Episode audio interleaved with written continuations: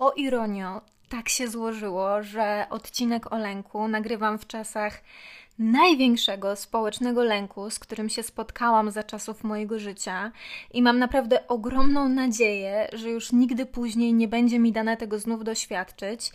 No, nawet jeśli będę żyć faktycznie przyśpiewkowe 100 lat, bo, bo po prostu nigdy więcej nic takiego nas, jako ludzi, nie spotka.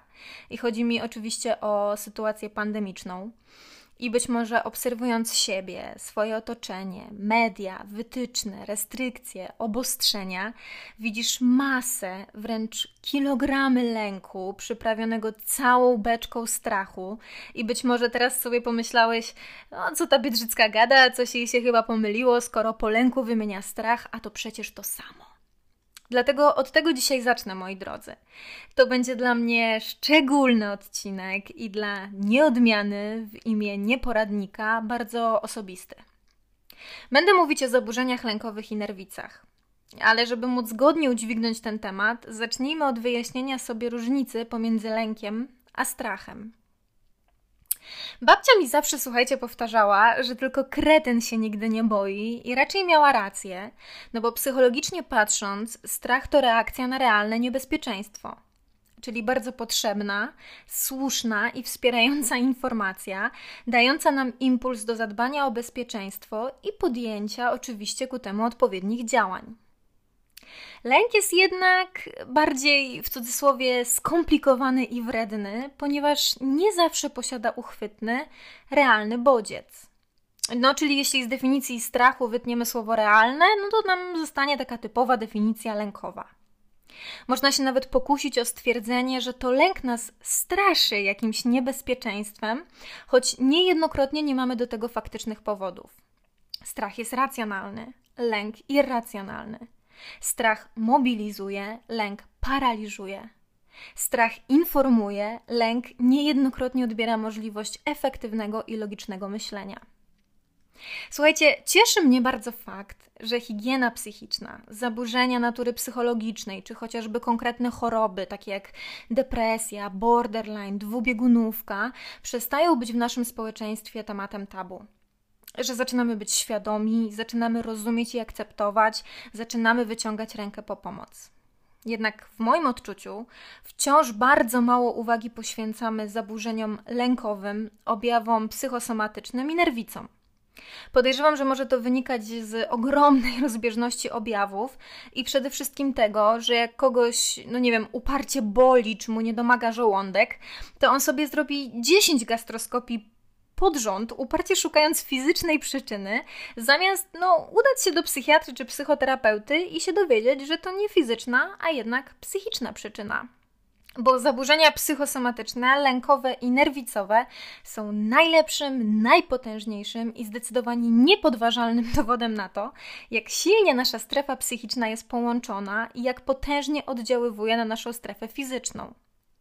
Zanim zacznę się jednak zagłębiać w temat, pozwól, drogi słuchaczu, że opowiem Ci pewną historię. Dawno, dawno temu, gdy jeszcze istniały głównie telefony stacjonarne, a o internecie bez limitów można było jedynie pomarzyć, żyła sobie ruda dziewczynka, która nigdy nie poznała swojego taty, a mamę widywała bardzo wybiórczo, ponieważ to na niej spoczywał obowiązek wykarmienia całej rodziny, którą tworzyły we trzy: dziewczynka, jej mama i babcia. No poza tym mama była bardzo młoda i bezgranicznie zakochana w nowym partnerze, którego babcia dziewczynki nigdy nie akceptowała, wmawiając często naszej bohaterce, że cytując, każdy facet to chuj.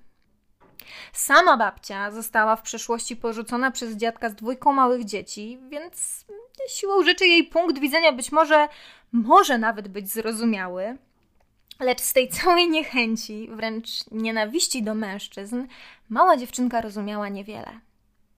Wzajemna niechęć ukochanej babci i przedstawionego przez nią w złym świetle partnera mamy była tak wszechobecna, że nawet w święta Bożego Narodzenia dziewczynka musiała jeść wigilijną kolację w jednym pokoju z mamą i babcią, a potem w oddzielnym pokoju tego samego mieszkania z mamą i jej partnerem. A nie od święta, bo codziennie świat dziewczynki opierał się na słuchaniu awantur, zrzędzenia, wyzwisk, trzaskających drzwi i kolejnych otwieranych nałogowo puszek piwa. To pst, towarzyszące otwieranemu browarowi, do dziś dzień wzdryga naszą bohaterkę.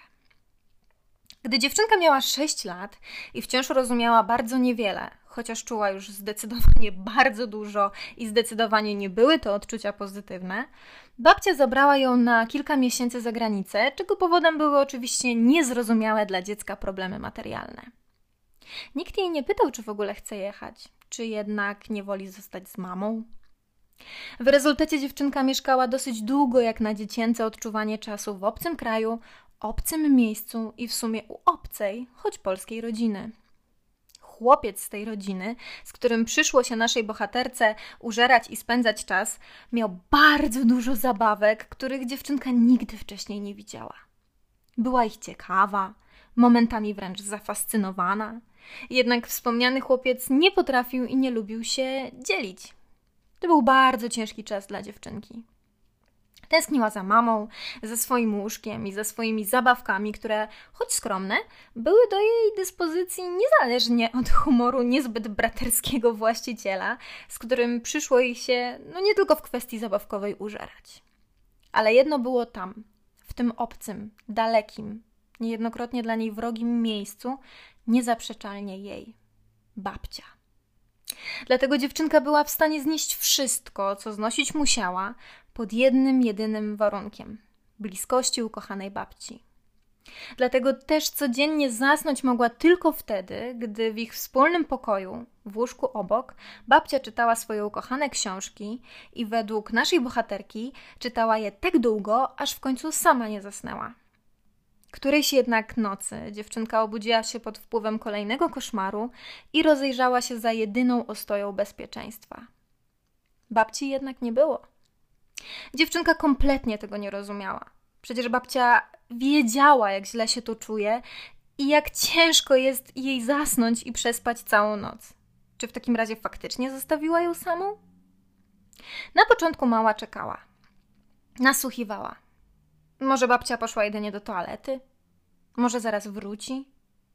Jednak bardzo długo nic się nie działo. Napięcie i przerażenie naszej bohaterki rosło. Leżała w ciszy i ciemności, słysząc jedynie pomrukiwania telewizora z innego pokoju. W końcu nasza bohaterka nie wytrzymała i powolutku, nieśmiało wyszła ze swojego łóżka i skierowała się w stronę słyszanych dźwięków. Cichutko i bardzo delikatnie otworzyła drzwi od swojego pokoju, minęła korytarz i usiadła pod drzwiami od pomieszczenia, w którym ewidentnie coś się działo. Słyszała telewizor i głosy dorosłych. W końcu usłyszała jedyny głos, który usłyszeć chciała. Jej babcia była w tym pokoju z innymi dorosłymi. Wtedy do dziewczynki dotarło. To musiał być codzienny rytuał. Babcia udawała, że chodzi spać razem z nią, ewentualnie czytając do własnego zaśnięcia i czuwając nad dziewczynką.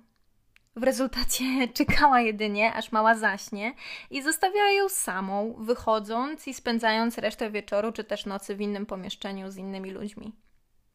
Nasza bohaterka poczuła się bardzo zdradzona, opuszczona, samotna, znów niewystarczająco ważna, jak dla swojej mamy niejednokrotnie, czy taty, którego nigdy nawet nie poznała. Płakała malutka pod tymi drzwiami cichutko, wstydząc się wejść do pokoju dorosłych i zamanifestować swój gniew, niezgodę czy opuszczenie. Bała się, że skoro na babcię nie może liczyć w tym obcym, okropnym miejscu, to już nigdy, tak po prostu, bezwarunkowo nie będzie mogła liczyć na kogokolwiek. Następnego wieczora nasza bohaterka zaczęła udawać ból brzucha. Wręcz z tego niby bólu się zwijała aż. Wszystko po to, by zatrzymać tej nocy przy sobie babcię jak najdłużej. Skoro nie można być zaopiekowanym bez problemu, to ona ten problem uda, by poczuć się bezpiecznie z babcią obecną w nocy cały czas. Przecież chorej jej nie zostawi, prawda? To był dobry plan, słuchajcie, bo działający i powtarzalny. Mała ugrała swoje i babcia czuwała nad nią nieprzerwanie każdej kolejnej udawanej nocy. Kilka wieczorów później nasza bohaterka była tak przekonująca w swoich rzekomych objawach okropnych mdłości i bólu brzucha, że prawie wylądowała w szpitalu. Jednak najpierw babcia przyniosła i postawiła obok jej łóżka plastikową miskę. Na wszelki wypadek, gdyby dziewczynka zaczęła wymiotować. I to jest, słuchajcie, punkt zwrotny tej historii, ponieważ nasza bohaterka nienawidziła wymiotować. Zresztą kto lubi? Jako małe dziecko często miewała faktyczne problemy żołądkowe i często musiała radzić sobie z nimi sama, niejednokrotnie wymiotując pod siebie albo na swoje łóżko. Obrzydliwe, wiem, wstydliwe. I wymiotowanie kojarzyło się dziewczynce z samotnością i męczarnią w pojedynkę. Mama musiała się wyspać do pracy, mama kazała spać, żeby przeszło, ale nie przechodziło. Mdliło jedynie w bezradności, ciszy i ciemności, aż organizm niejednokrotnie niekontrolowanie pozbawił się sam tego, czego pozbyć było się trzeba. Kiedy nasza symulująca bohaterka zobaczyła babcię z miską, wielkie przerażenia jej dziecięcego życia nałożyły się na siebie. Opuszczenia, męczenia się w pojedynkę, wstydliwego zakończenia i zaskoczenia. Wytworzył się lęk, który niejednokrotnie odbije się na jej życiu. Udawane symptomy faktycznie się pojawiły. Brzuch i mdłości, ból brzucha i mdłości nie były już udawane. I nieudawany był także ogromny lęk, że jednak będzie wymiotować. To był początek nerwicy lękowej, z którą nasza bohaterka walczyła niemalże kolejnych 20 lat. Drogi słuchaczu, może Ci się wydawać, że lęk przed wymiotowaniem jest śmieszny, żałosny wręcz i w ogóle bezpodstawny. I ja się z Tobą w pełni zgadzam. Mnie jednak to nie bawi, bo nerwica lękowa ma to do siebie, że pojawia się znikąd, nagle, często w formie ataku. W zupełnie nieprzewidzianej sytuacji, czasami nawet w kilka dni lub tygodni od przeżycia czegoś ciężkiego lub doświadczenia kolejnej traumy, organizm zaczyna odczuwać to, czego człowiek boi się odczuwać. W moim przypadku była to zawsze fala okropnych mdłości i choć nigdy nie kończyły się wymiotami, zawsze się tego panicznie bałam. Przyspieszał mi puls. Niejednokrotnie się trzęsłam. Zwłaszcza jeśli dopadało mnie to w trakcie pracy, wśród innych ludzi czy komunikacji miejskiej. I ten stan rzeczy potrafił utrzymywać się godzinami, i ja faktycznie te mdłości czułam. Jednak nigdy nie było to faktyczne zatrucie pokarmowe czy jakakolwiek inna choroba. Przechodziło prędzej czy później, jak każdy objaw psychosomatyczny. To nie była choroba, to nie było zatrucie, to był zakorzeniony we mnie lęk, pod którym szczelnie schowane były wszystkie traumy z mojego dzieciństwa. No bo by je przetrwać i w ogóle by przetrwać, musiałam to wyprzeć. Skoro wyparłam, no to psychika odreagowywała w inny sposób. Bo wyparte i stłumione w nas traumy i emocje nie znikają. Nigdy. One wracają jedynie w innej formie depresji, uzależnień, zaburzeń lękowych czy nerwicowych, a czasem faktycznych chorób. Znam też osoby o gamie innych objawów, które w trakcie ataku odczuwały faktyczne objawy związane z zawałem serca, dusznościami, udarem, omdleniem. I te osoby faktycznie to czuły, chociaż to nie działo się naprawdę. Zderzenie się i ujarzmienie mojej nerwicy lękowej było pierwszym powodem, dla którego jako niemalże osiemnastoletnia dziewczyna trafiłam samowolnie na pierwszą terapię. Bo najbardziej bałam się samego lęku. I teraz każdy, kto cierpi na zaburzenia lękowe, pomyśli sobie: Jezu, tak, właśnie tak. Bo jeśli cierpisz na nerwicę, to wiesz, ty wiesz, że objawy w końcu miną potrafisz sobie z czasem z, z nimi poradzić. Znajdujesz tipy, znajdujesz patenty, ale nie masz kompletnie wpływu na to, kiedy i gdzie cię złapie. I boisz się kolejnego ataku, już nawet niekoniecznie samych jego objawów, bo cię dojedzie w pracy na przykład, albo na randce, albo na imprezie, albo w autobusie. Zadzwoniła do mnie kiedyś osoba, która panicznie bała się jeździć autobusem. Siłą rzeczy czasami musiała, nie miała samochodu, nie miała prawa jazdy, miała rower, ale rowerem nie zawsze, nie wszędzie i nie po wszystko. I kiedy tylko zamykały się drzwi pojazdu na przystanku, z jej ciałem zaczynały dziać się bardzo dziwne rzeczy. No bo wiedziała, że teraz musi wytrzymać do kolejnego przystanku, że się nie wydostanie swobodnie w wybranym przez siebie momencie i że wokół są ludzie, że patrzą, oceniają, niekoniecznie pomogą, jeśli coś jej się stanie. Bardzo zdesperowana i znerwicowana, zdenerwowana zadzwoniła do mnie i powiedziała mi, a raczej wyszeptała, że jest jej duszno, że kręci jej się w głowie, że zaraz zasłabnie. I ja jej wtedy, słuchajcie, poradziłam jedną rzecz, która od razu wyeliminowała objawy. Powiedziałam jej tak: wstań, pójdź do kierowcy, powiedz, że się źle czujesz i że musisz natychmiast wysiąść. I ona faktycznie wstała, słuchajcie. I faktycznie zaczęła iść w stronę tego kierowcy. I bam! Po prostu nagle wszystko przeszło. Jak ręką odjął. I to się stało, słuchajcie, tylko i wyłącznie dlatego, że ona przestała za wszelką cenę atak lęku przed innymi ukrywać. Bo była w tym momencie gotowa się do niego głośno przyznać.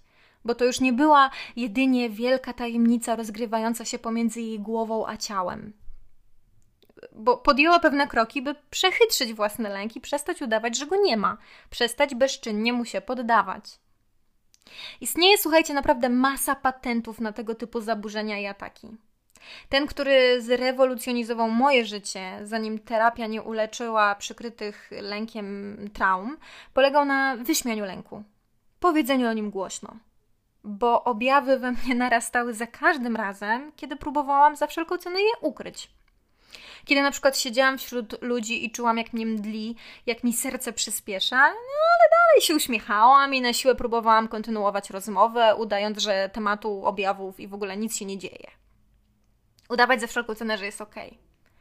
A któregoś dnia, jak już było bardzo źle, to się po prostu, przepraszam, y, wkurwiłam i powiedziałam wprost ludziom, z którymi wtedy byłam: Słuchajcie, przepraszam, mam atak lęku i paniki. Niedobrze mi i boję się, że zaraz się na któregoś z Was pożygam. Być może będę się teraz głupio zachowywać, ale to nie ma żadnego znaczenia. Nie mam na to wpływu. Czy możecie proszę spróbować mnie zagadać i odwrócić moją uwagę od tego, co teraz czuję? I podziałało, słuchajcie. Wielki potwór, wielki atak, no zrobił się malusie nie, nie, nie, nieńki bo został uznany, zaakceptowany i przeze mnie, i przez innych. Nadałam mu imię, zabrałam sprawczość polegającą na konieczności walki i ukrycia. Wiele osób, które panicznie bały się śmierci podczas ataku, w pewnym momencie mówiły sobie po prostu: i chuj, no, najwyżej umrę. I dokładnie z wypowiedzeniem tych słów im przechodziło. No ja miliony razy swój lęk wyśmiałam. Mówiłam sobie w głowie, ja pierdolę, Biedrzycka, że to jest żałosne, żygania się bać, pomyśl, jakie to jest śmieszne w ogóle, na, na huk ty sobą tak dajesz rządzić. I przechodziło. Albo sobie myślałam, że się boję wymiotów i to jest tak totalnie absurdalne, bo na przykład kompletnie się nie boję żadnego pająka, robala, prędkości, wysokości czy czegokolwiek typowego. Lęk przed wymiotowaniem ma swoją nazwę, to jest emetofobia. I istnieje, słuchajcie, masa takich fobii, że tobie się, drogi słuchaczu, nawet nie pomyśli, że można się takich rzeczy bać. Na przykład y, lęk przed przedmiotami znajdującymi się po prawej stronie ciała, albo lęk przed wiatrem, albo przed lustrami. No jest po prostu cała encyklopedia fobii. Są lęki, których przyczyny kompletnie nie są znane, przynajmniej do momentu podjęcia y, psychoterapii albo są dolegliwości, których nie można wyjaśnić żadnymi wynikami badań, faktycznymi schorzeniami, a nas boli i nie przestaje, a wszystkie badania są ok. I dopiero w trakcie terapii wychodzi na to, że ciało jedynie, jak w przypadku nerwicy lękowej, uwidacznia to, co w głowie i emocjach. Zobaczcie, jak często i automatycznie daje się we znaki nam na przykład nasz żołądek, gdy przeżywamy stres. Zwróćcie uwagę na spinanie się mięśni, gdy jesteśmy zdenerwowani, na ucisk w gardle, gdy płaczemy.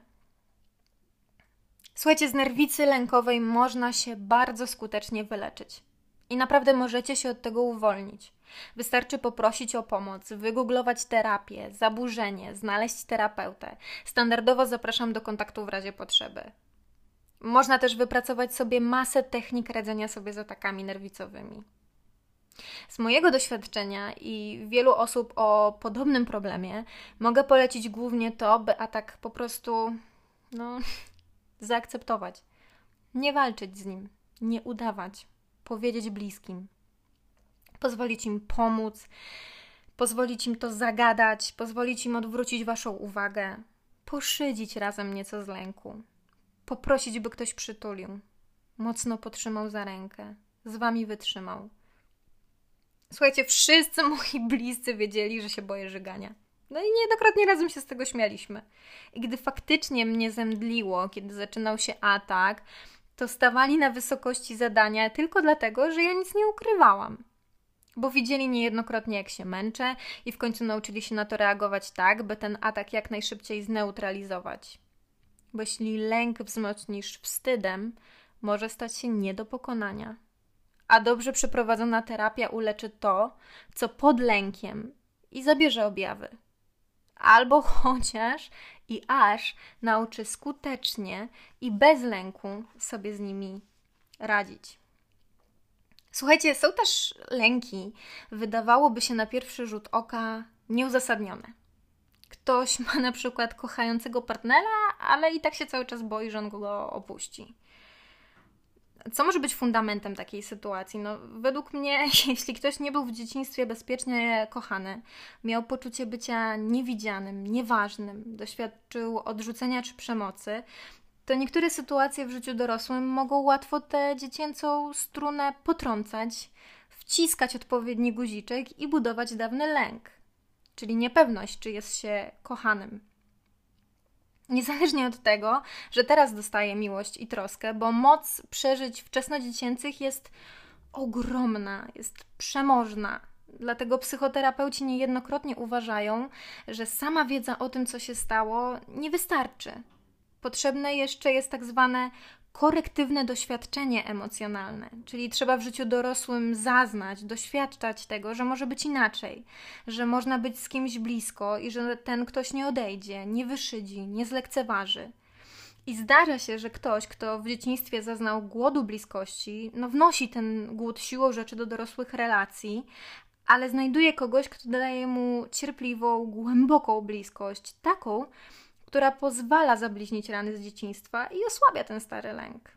Korektywnym doświadczeniem może być chociażby bezpieczna i głęboka relacja z terapeutą. I poza tym wszystkim warto też pamiętać, że dla kogoś, kto się boi, często ważniejsza od argumentów merytorycznych jest sama uczuciowa obecność. Poczucie, że w pobliżu jest ktoś, kto mnie kocha i przyjmuje mnie, akceptuje mnie całkowicie z tym moim lękiem. I, I, czasami w ogóle też mi się wydaje, że wbrew pozorom i paradoksalnie z ręku możemy wynieść dużo korzyści. No, są ludzie, którzy niepokój zmieniają w obrazy, poezję, muzykę. Jednym z dojrzałych mechanizmów obronnych jest sublimacja, czyli okiełznywanie impulsów, których się nie akceptuje.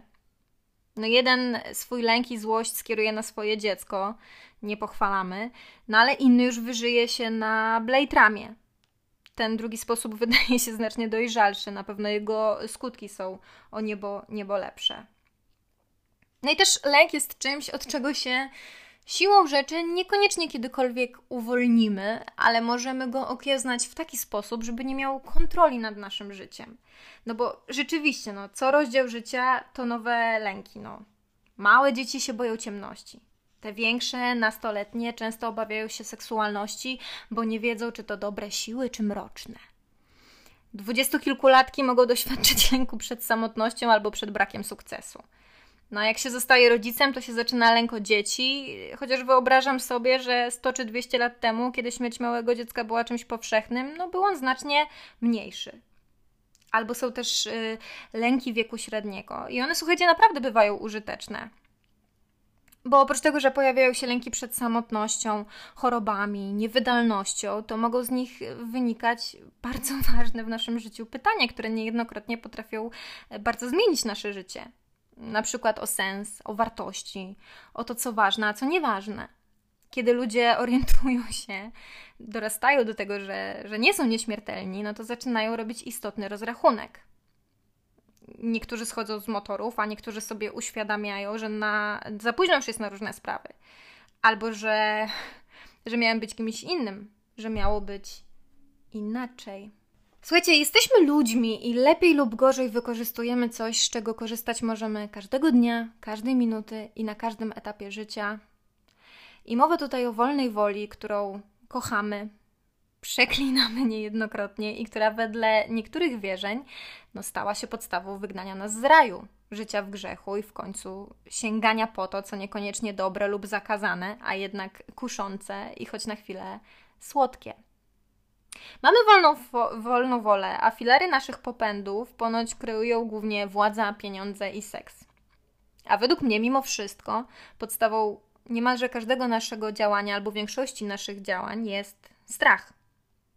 Ten, który ukrywa się pod pojęciem wolnej woli i determinuje nasze wybory, decyzje, a niekiedy całe nasze życie. Boisz się zranienia, więc budujesz emocjonalny mur, by zabezpieczyć e, się przed tym, co z biegiem czasu może zaboleć. Nawet jeśli na ten moment może cię uszczęśliwić w ten wymarzony, jedyny w życiu sposób.